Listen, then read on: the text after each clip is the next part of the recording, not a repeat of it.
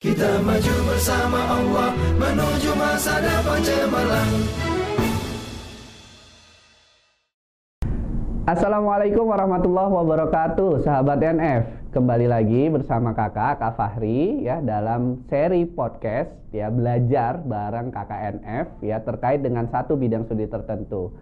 Nah, alhamdulillah hari ini kita ketemu lagi nih ya. Kita akan bahas satu bidang studi yang mungkin kalian udah lama tunggu nih ya. Jadi buat seluruh anak IPA atau IPS pasti membutuhkan nih ya kemampuan yang satu ini atau pelajaran yang satu ini. Nah kali ini kakak nggak sendirian ya kakak nggak sendirian. Hari ini kakak bersama dengan salah seorang salah seorang pakar nih ya di dalam uh, bidang bahasa Indonesia ya yang sudah berkecimpung lama ya di Nurul Fikri yaitu ini juga salah satu guru kakak gitu ya ada Pak Jajang Setiadi Mungkin bisa menyapa dulu adik-adik atau sahabat NF gitu Pak Jajang. Ya, Assalamualaikum warahmatullahi wabarakatuh. Apa kabar adik-adik? Baik, Pak Jajang sehat hari ini? Alhamdulillah. Alhamdulillah sehat gitu ya. Pak Bari? Alhamdulillah sehat Pak Jajang ya. Jadi hari ini kita bakal ngobrol-ngobrol gini ya Pak Jajang ya. Ini mungkin sudah kelihatan di sini ya. Jadi uh, paling pentingnya tentang bahasa Indonesia gitu ya. Salah satu uh, pelajaran yang mungkin sekarang jadi salah satu yang dipertimbangkan cukup besar gitu ya Pak Jajang ya. Betul, betul. Betul sekali. Nah, jadi sebelum kita bahas ya, sebelum kita masuk ke intinya, nah sebelum kita masuk ke apa yang mau kita bahas, kita mau kenalan dulu gitu ya. Seperti biasa ya. Kalau biasanya seri podcast gitu atau bincang-bincang seperti ini kenalan dulu Pak Jajang ya. Ya.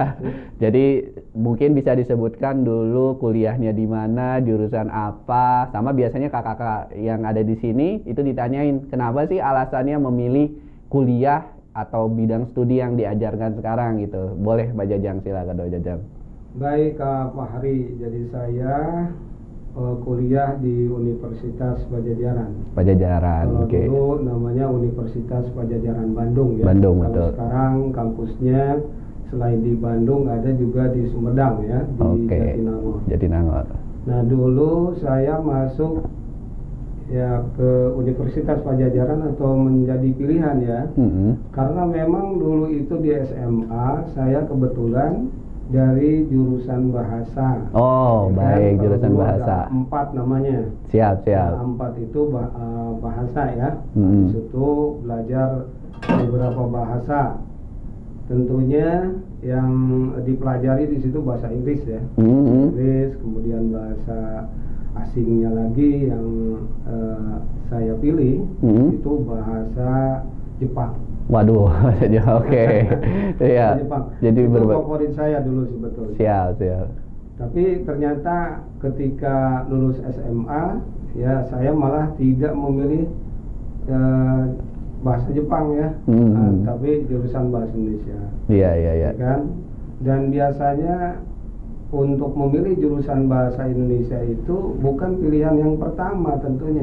Oh, siap Pak Itu Jajang. umumnya begitu, jadi Heeh. jarang ya. Jarang ya. Anak yang memilih jurusan bahasa Indonesia Mm-mm. pilihan yang pertama. Iya, iya. Termasuk saya juga. Oh, siap, siap Pak Walaupun Jajang. saya dari jurusan bahasa ya Heeh. dulu, tapi saya tetap ya tidak memilih pilihan yang pertama tuh bahasanya. Siap. Ya, karena kata orang tua, wah kalau di bahasa Indonesia kerja buat apaan? Iya, iya, Gitu betul, betul, betul. Oh, betul tuh ya tantangannya luar biasa. Tapi ternyata Kak Fahri setelah kita eh, jalani ya, eh, ternyata banyak ilmu sebetulnya ya Iya, iya, iya. eh, kita pelajari, kita dapatkan di jurusan bahasa Indonesia saja. Ya karena yang dipelajari di situ tidak hanya bahasa Indonesia, Hmm. ada bahasa daerah. Apalagi tuh? Oh, bahasa Ya, daerah terus. Misalnya bahasa daerahnya saya waktu itu memilih bahasa Minang. Waduh. Minang tuh, Kan, suku karena- saya tuh. Karena saya berasal dari suku Sunda, Iya. jadi memilih eh, bahasanya ya untuk eh, pilihan eh, umumnya ya, Mhm. yaitu bahasa Minang. Nah, kemudian juga ada bahasa asing yang lainnya, bahasa Arab, Arab. kemudian bahasa Belanda. Nah, jadi itu sangat menarik. Kemudian juga ada belajar budaya-budaya kan. Iya, iya. Jadi iya. intinya tidak hanya belajar bahasa Indonesia. Di Hmm. bahasa Indonesia sendiri kan nanti ada eh, cabang ilmu bahasa ternyata Pak eh, ini Kak Fahri. Apa tuh? Jadi ada fonologi, Iya, kan? iya. ada morfologi, ah, ah. ada sintaksis, kemudian ada etimologi dan lain-lain. Dan inilah yang menjadi daya tarik begitu. Yang Iya, tadinya iya, iya. asalnya tantangan baik dari keluarga Ah, ah. maupun dari orang lain kalau masuk jurusan bahasa Indonesia mau ngapain? Iya. Dan itu memang ketika semester pertama saya kebawa mi- mimpi tuh. Waduh, sampai mimpi nih. bahasa Indonesia. Eh, Nah sampai uh, ke apa terbawa mimpi itu ini saya mau ngapain nih kuliah di sini gitu. Nah itu ya. Nah, tetapi, tetapi ketika kita jalani, oh ternyata tidak mudah juga ya karena memang ilmu bahasa itu luas baik, baik. dan itu harus sungguh-sungguh kita belajarnya. Siap, siap. Dan kalau kita perhatikan eh, kalau kita misalnya nanti prospek kerja Iya. ternyata banyak Banyak ya, Pak ya? banyak kan mau jadi guru mau jadi wartawan atau bekerja di bank dan lain-lain banyak jadi tidak usah khawatir begitu. Baik. begitu Jadi gitu ya. Jadi kita jangan khawatir nih ya sahabat NF ya bahwa ternyata jurusan bahasa itu bukan hanya jadi guru bahasa Indonesia karena masih banyak tuh ya kira-kira yang berpikiran seperti itu. Ternyata cabangnya banyak gitu ya atau uh, prospek kerjanya juga banyak seperti itu. Nah, ini kebetulan ya biasanya kan kalau podcast-podcast yang lain ya ber- berkaitan dengan satu bidang studi tertentu ada fenomena yang kita bahas atau kejadian. Nah, kebetulan saat ini gitu ya, fenomena yang baru saja terjadi adalah adanya perubahan seleksi masuk PTN 2023 gitu ya Pak Jajang ya. Ya, ya. Nah, di situ salah satunya Mas Menteri kita Mas Nadiem Makarim mengatakan ya kalau kita mau lewat lewat ini SNBT atau seleksi nasional berdasarkan tes itu eh, salah satu yang diujikan adalah literasi dalam bahasa Indonesia. Begitu ya Pak Jajang ya. Betul. Nah, sekarang kita coba lihat sebenarnya gimana sih Pak Jajang apa sih yang dimaksud dengan literasi? Lalu kenapa sih itu menjadi satu hal yang penting juga gitu ya. Jadi mungkin Pak Jajang bisa jelasin nih kepada sahabat NF sekalian apa sih yang dimaksud dengan literasi seperti itu? Baik Kak Fahri ya, pertanyaan yang bagus dan ini perlu adik-adik eh, ketahui semua ya. Mm-mm. Sebetulnya terkait dengan pelajaran bahasa Indonesia ya Mhm. kan sejak awal adanya pelajaran bahasa Indonesia itu terkait dengan literasi. Oh, Oke, Gitu, baik, ya baik, kan? baik. Ada bacaan, begitu Ah. pemahaman bacaan. Cuma ketika eh, untuk kepentingan praktis tes itu sering kali ada pengelompokan-pengelompokan dalam penamaannya Hmm. begitu. Misalnya eh, ujian masuk PTN yang sebelumnya ya tahun berapa itu ya? 2022. 2002 eh dua- 2001 ya 20, 2020 Hmm. 2021 kan itu ada eh, kalau istilah subtesnya itu tes potensi skolastik Hmm. ada namanya eh, penalaran umum ya Hmm, betul. kemudian ada pemahaman Bacaan dan menulis, ya. kemudian ada eh, pengetahuan dan pemahaman umum Hmm. ya nah itu semua sebetulnya kan eh, dasarnya literasi bahasa Hmm, cuma iya, di iya. situ kan dikelompokkan Betul, gitu. betul. Nah sekarang eh, ada perubahan ya sebetulnya pada intinya ya yang nanti akan eh, diujikan itu tidak jauh ya dari eh, pemahaman bacaan ya kan kemudian eh, juga ada sedikit tata bahasanya. Hmm. Nah bedanya dengan yang dulu itu dipisah-pisah gitu Ya, ya, ya. Fahri. Jadi tadi seperti yang saya sampaikan, jadi ada penalaran umum. Kalau bahasa berarti itu ada dua subtes. Jadi pemahaman bacaan dan menulis, ya kan. Kemudian ada pengeta- pengetahuan dan Pemahaman pemahaman, umum. Nah itu eh, sebelumnya 2021 ya, bahkan 2020 sebelumnya juga sama. Sama ya, itu. iya. Nah untuk sekarang, nah itu ti- eh, tidak dibagi-bagi ya. Hmm, hmm, betul Jadi Pak. satu itu namanya Literasi. dalam bahasa Indonesia. Ya. Nah, jadi eh, perbedaannya dari pembagian saja. Jadi kalau eh, secara umum dari eh, apa tes apa pun sebetulnya itu literasi juga sama. Siap, siap. Mungkin nanti eh, kita perlu ini nih adik-adik perlu tahu juga sih sebetulnya literasi itu apa tadi Betul, kan betul, betul Pak pertanyaannya.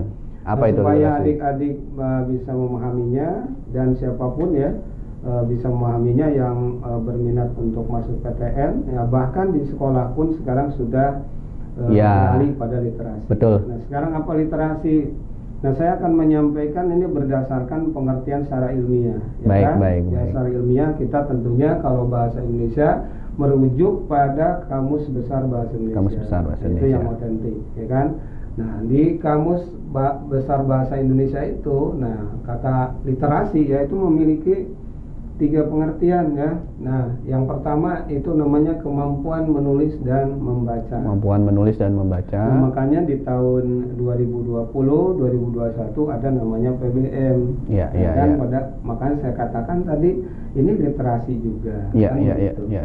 Kemudian yang kedua pengetahuan atau keterampilan dalam bidang atau aktivitas tertentu. Nah, ini kaitannya dengan informasi dalam teks. Mhm. Informasi dalam teks tentunya di dalamnya memuat berbagai hal ya, berbagai ilmu, baik ilmu sosial ya, kemudian juga IPA, lingkungan atau barangkali yang populer. Mhm. Nah, itu terkait dengan eh, bacaan isinya ya, Iya, iya, yang iya. di dalamnya itu. Kemudian yang berikutnya kemampuan individu dalam mengolah informasi dan pengetahuan untuk kecakapan hidup. Nah, ini adik-adik perlu diketahui ya bahwa ketika memahami bacaan itu tidak sekadar kita menampung informasi ya di dalam Hmm. bacaan itu, tetapi nanti bagaimana ya informasi yang didapatkan ya dari e, bacaan tersebut itu bisa diolah. Diolahnya maksudnya apa?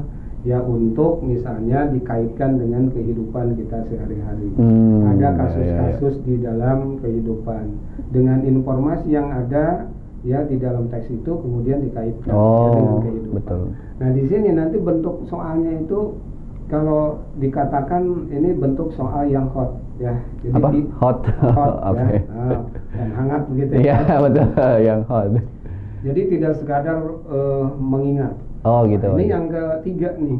Iya, iya, iya, iya. Jadi literasi itu memang tidak hanya baca mulu gitu ya, Iya. eh, tidak baca melulu, tetapi ya mencakup tiga hal ini. Nah nanti adik-adik ketika eh, ujian ya mesti memahami hal ini gitu. Iya. Jadi persiapan apa gitu kan ya? Betul, betul, harus betul. dimiliki gitu. Nah ini ya kira-kira pengertian. Maka dari sini nih Mhm. dari sini itu kita bisa merangkum eh, cakupan literasi itu atau literasi itu menyangkut apa saja sih gitu ya. Nah sesuai dengan pengertian tadi tentu ada tiga gitu. Pertama Mhm. kemampuan berbahasa. Nah kemampuan berbahasa itu kan eh, membaca, menulis, bahkan menyimak. Nah, Mhm. tentu kalau di ujian tulis itu menyimaknya tidak ada. Iya, betul. Ya kan? Tapi Menyimak itu begitu- maksudnya mendengar gitu ya, Pak? Iya, ya? Mendengar betul. percakapan atau apa teks Kalau di ujian ya tentu itu ada membaca dan menulis. menulis. Maka Oke. berkaitan dengan eh, kebahasaan nanti ada aspek-aspek eh, bahasa, kaidah-kaidah bahasa di situ. Oke. Nanti saya jelaskan. Baik, baik. Kemudian kemampuan memahami isi bacaan. Nah ini jadi bisa menangkap informasi yang ada di dalam bacaan itu. Nah, tentu kita mengetahui, adik-adik juga bisa mengetahui, pernah belajar gagasan pokok, ya kan? Iya, iya. Ada juga eh, apa namanya belajar tentang adik simba atau kalau dalam bahasa Inggris 5W1 Oh, iya. untuk mendapatkan informasi Betul, betul. adik Simba misalnya ada eh, apa di mana ya kan Hmm. kemudian eh, apa kapan, Kapan, kemudian siapa, siapa, ya, iya. mengapa bagaimana Wah, saya masih ingat juga gitu tuh. ya kan Iya. ada Simba atau kalau eh, mudah lagi 5P eh, DB gitu Hmm. karena memang perta- eh, pertanyaannya berkaitan dengan ada 5P itu Iya, apa siapa siapa. kapan berapa Iya, iya. Ada kan? huruf P-nya ada gitu ya. P-nya yang Iya. sama Iya. kemudian ujungnya di mana dan Bagaimana. bagaimana. Nah itu sebetulnya kemampuan nanti yang akan ditanyakan tidak jauh dari situ. Iya, iya, iya. Itu kan informasi yang ada di dalam bacaan. Kemudian yang ketiga kemampuan mengolah informasi dari bacaan. Nah tadi yang saya sampaikan. Jadi tidak sekadar informasi nih, nanti diberikan kasus. Hmm, hmm. Di dalam kehidupan diberikan kasus, kemudian kaitkan dengan informasi yang ada di dalam bacaan. Hmm, ini yang oke, dimaksud oke, dengan oke. soal hot. Iya, iya, iya, iya, iya, Nah, iya. di sini dituntut adik-adik itu berarti harus mempunyai dua kemampuan. Pertama, kemampuan untuk membaca informasi yang ada di dalam teks itu, Hmm. kemudian eh, informasi yang ada itu digunakan Baik, untuk baik. memahami eh, fakta atau eh, kejadian yang ada dalam kehidupan sehari-hari. Oke, baik, Gitu baik. ya. Baik. Nah, begitu sementara apa? Baik, jadi itu ya cakupan literasi itu ada adik. Ternyata memang kalau kita lihat biasanya di pikiran kita wah literasi pasti membaca gitu ya. Hanya membaca mungkin ya. Tapi ternyata di balik itu semua ada yang harus kita lihat maknanya mungkin ya Pak Jajang ya di balik bacaan yang kita eh, baca seperti itu. Iya, betul. Betul.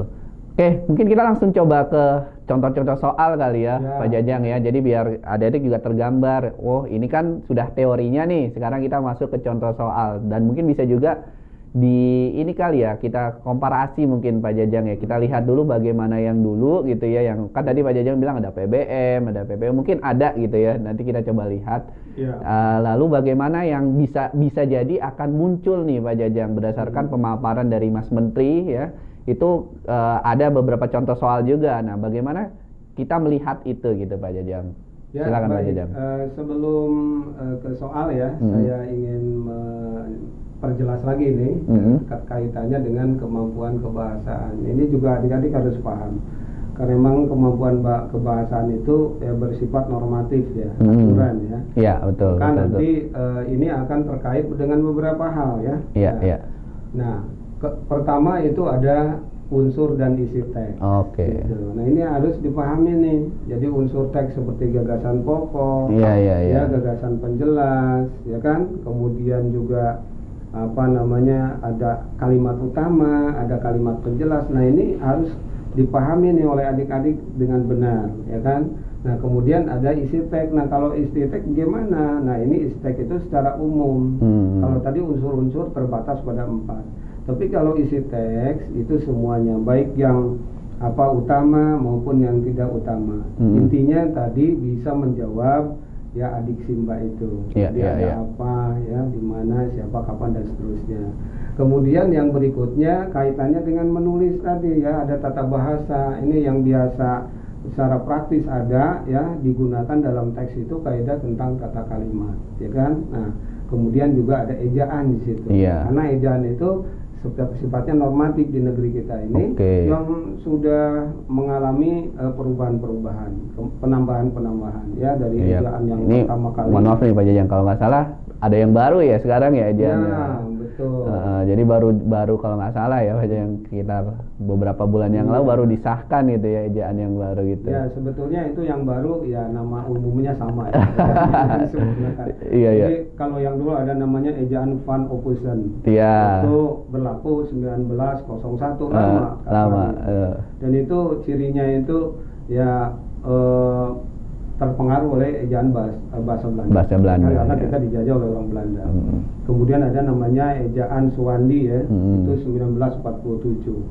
Itu cukup lama tuh Kak Fahri dari 1901 ke 1947. Iya. Lama Ya kan? lama. Nah, terus 40 ada tahun. lagi dari eh, Suwandi atau disebut juga Republik ya 1947. Nah, ada eh, ejaan yang baru itu yang namanya ejaan yang disempurnakan. Iya iya iya. Ejaan yang disempurnakan itu kapan? Berlaku 1972. Oke. Nah, itu kelahiran saya, gitu kan. Kalau Iya, saya memakai ejaan yang 1972, nah saya bukan jajang ya. Ah iya Tapi iya. Y dibacanya. Nah, Iya gitu. betul. Saya tahu tuh Pak. Gitu, kan. Nah, terus ini lama juga. Heeh, betul. Ya untuk muncul ada namanya pedoman umum Ejaan bahasa Indonesia, Itu betul. kalau tidak salah itu 19 eh 2016 2016 ya, ya. ya, Nah, ya. Kemudian baru kali eh, ini, Tahun eh, ini ya. Tahun ini ya. Ya, ini baru baru lagi tuh ada ejaan yang disempurnakan betul. eh, ke berapa gitu ya. Nah, ini tapi namanya udah sama lah gitu. Siap, ya. siap, siap. Ada penambahan-penambahan dan sebagainya. Oke. Kemudian yang berikutnya itu kosakata. Kosakata. Maksudnya di sini eh, lebih kepada diksi, iya. pilihan kata, terus memahami juga makna-makna kata itu. Nah, Ini yang perlu dipahami ya, kemudian dipersiapkan oleh adik-adik. Nah, Oke. coba kita lihat nih contohnya. Oke. Nah, ini adik-adik kalau eh, menghadapi soal literasi harus sabar, ya, harus terlatih. Heeh. Itu sebagai bagian daripada perjuangan. betul betul Ya betul. kan? Heeh. Karena apa? Nanti kalau misalnya di jiwa kita itu sudah udah malas, wah sudah gitu. Karena ini harus penuh dengan kesabaran, ketabahan. Iya, iya, betul. Ini realitas kehidupan. Betul sih. gitu ya.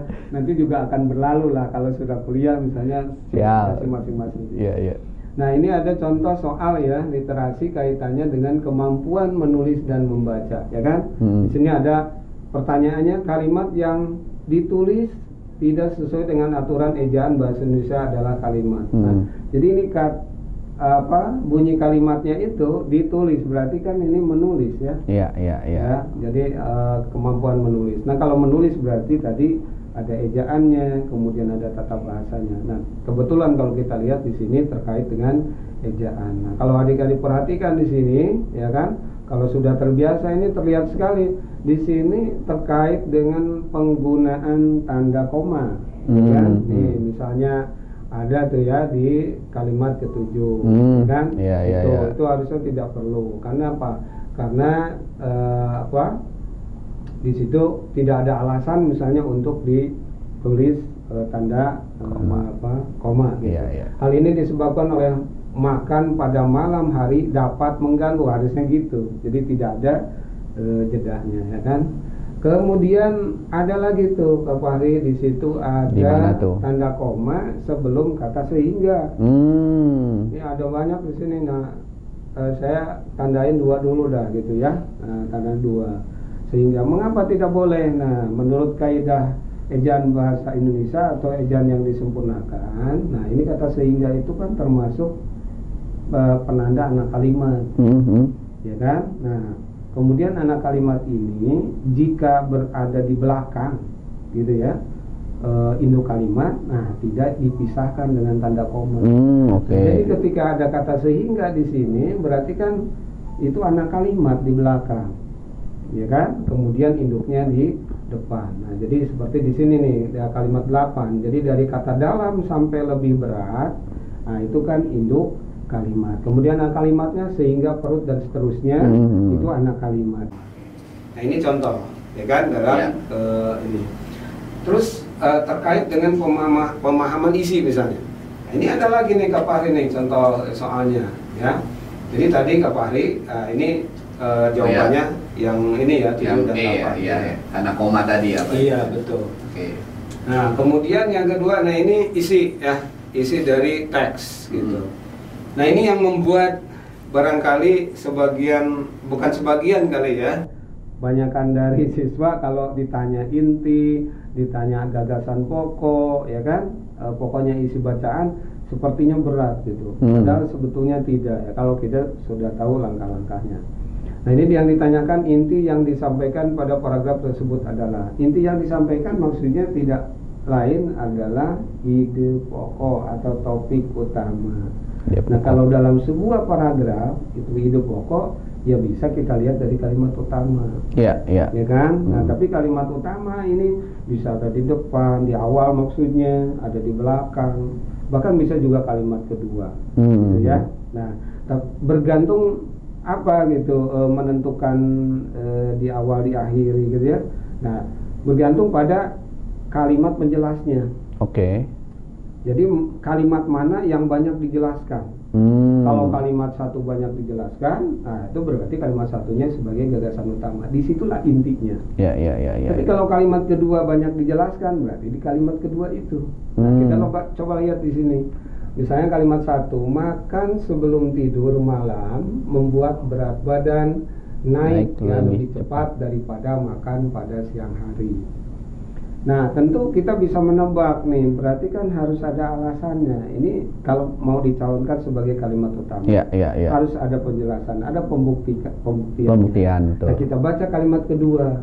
Kebanyakan ahli le- ahli ya lebih menyetujui bahwa orang yang mengalami kenaikan badan tersebut disebabkan oleh kalori yang masuk lebih banyak daripada yang dikeluarkan. Hmm. Nah, ini eh, apa namanya? pembuktiannya ya, salah satu pembuktian. Tapi pembuktian ini ternyata dijelaskan lagi oleh kalimat ketiga, kemudian empat dan kalimat kelima. Iya. Nah, jadi tidak secara langsung apa menjelaskan kalimat satu tuh, karena kalimat satu sebelum tidurnya tidak dijelaskan lagi. Hmm, ya, gitu. ya, ya, ya, ya. Maka kita konsentrasi ke kalimat keduanya.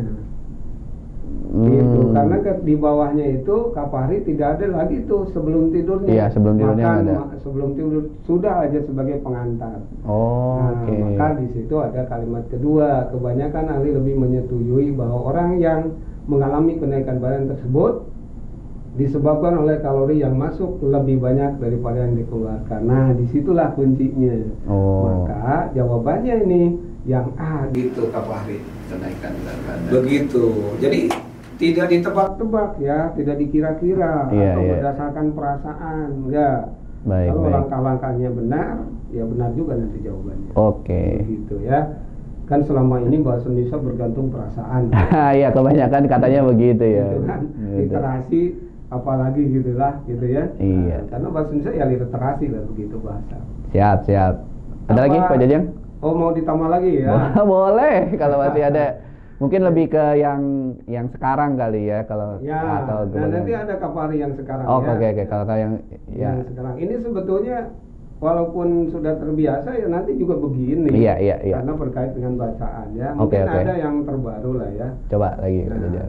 Nah ini model untuk eh, tampilannya teksnya itu ber, eh, Oh, ada gambar ya. ya gambar atau apa namanya itu sekarang itu infografis. Oh, ya kan. oh, Nah, di sini kita me- apa istilahnya membaca secara sekilas memfoto Mm, mm, mm. kalau bahasa kerennya scan gitu ya. Iya, Nah, iya.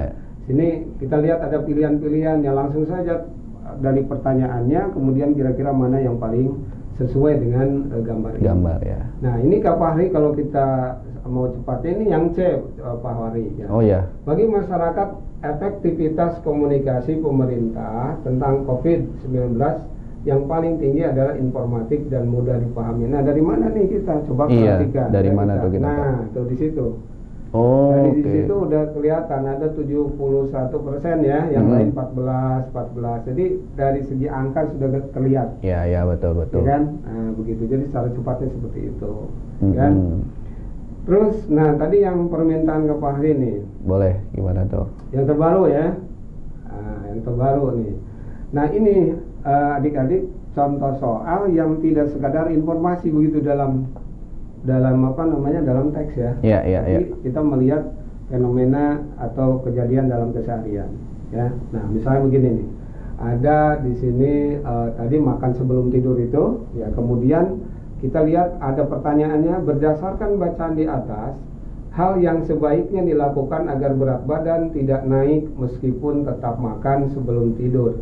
Nah ini kan sebetulnya pengungkapan secara tersuratnya nggak ada Pak Fahri di Iya, betul betul. Tapi dari bacaannya kita bisa menyimpulkan gitu. Misalnya nih, makan sebelum tidur, tidur malam membuat berat badan naik lebih cepat daripada makan pada siang hari. Berarti kan bermasalah kan ya ketika makan malam sebelum tidur. Hmm. Tapi ada petunjuk lagi gitu ya bahwa di situ dikatakan orang yang mengalami kenaikan badan tersebut disebabkan oleh kalori yang masuk lebih banyak daripada yang dikeluarkan dan biaya yang dikeluarkan.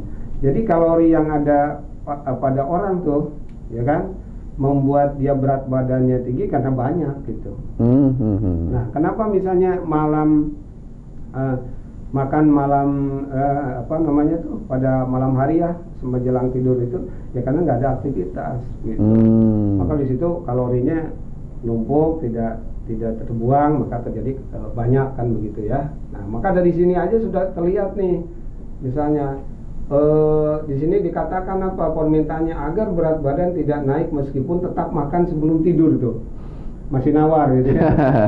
Gimana caranya?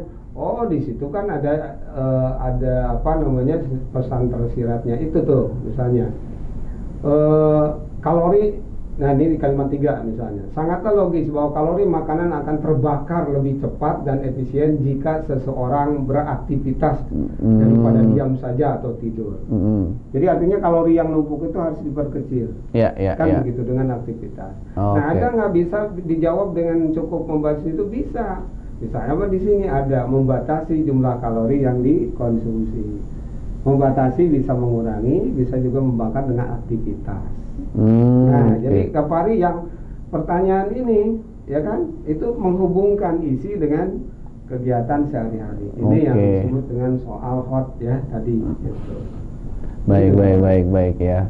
Jadi kita harus punya wawasan juga mungkin di luar itu kali ya Pak ya, Jajang. betul. Tapi wawasan itu juga nggak sulit sih. Nggak sulit ya, ada di karena kehidupan keseharian sehari-hari, betul.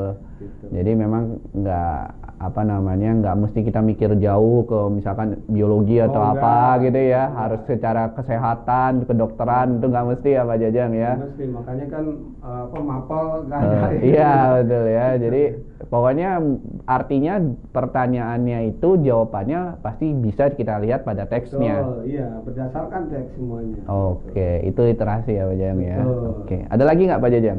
Eh, saya kira itu cukup. Pak. Cukup ya, Baik, cukup gitu ya. Oke, oke, oke, baik. Jadi, apa namanya untuk adik-adik ya. Heeh. Jadi jangan apa ya istilahnya jangan malas begitu membacanya karena itu real- realita ya. Baik. Realita. Nah, itu ya adik-adik sekalian. Jadi sahabat NF kita sudah lihat ya beberapa contoh yang dulu sama yang terbaru seperti apa. Jadi kalian udah bisa tuh adik-adik sekalian ya sahabat NF punya gambaran kira-kira kalau dibi- dibilang literasi bahasa Indonesia itu maksudnya apa seperti itu.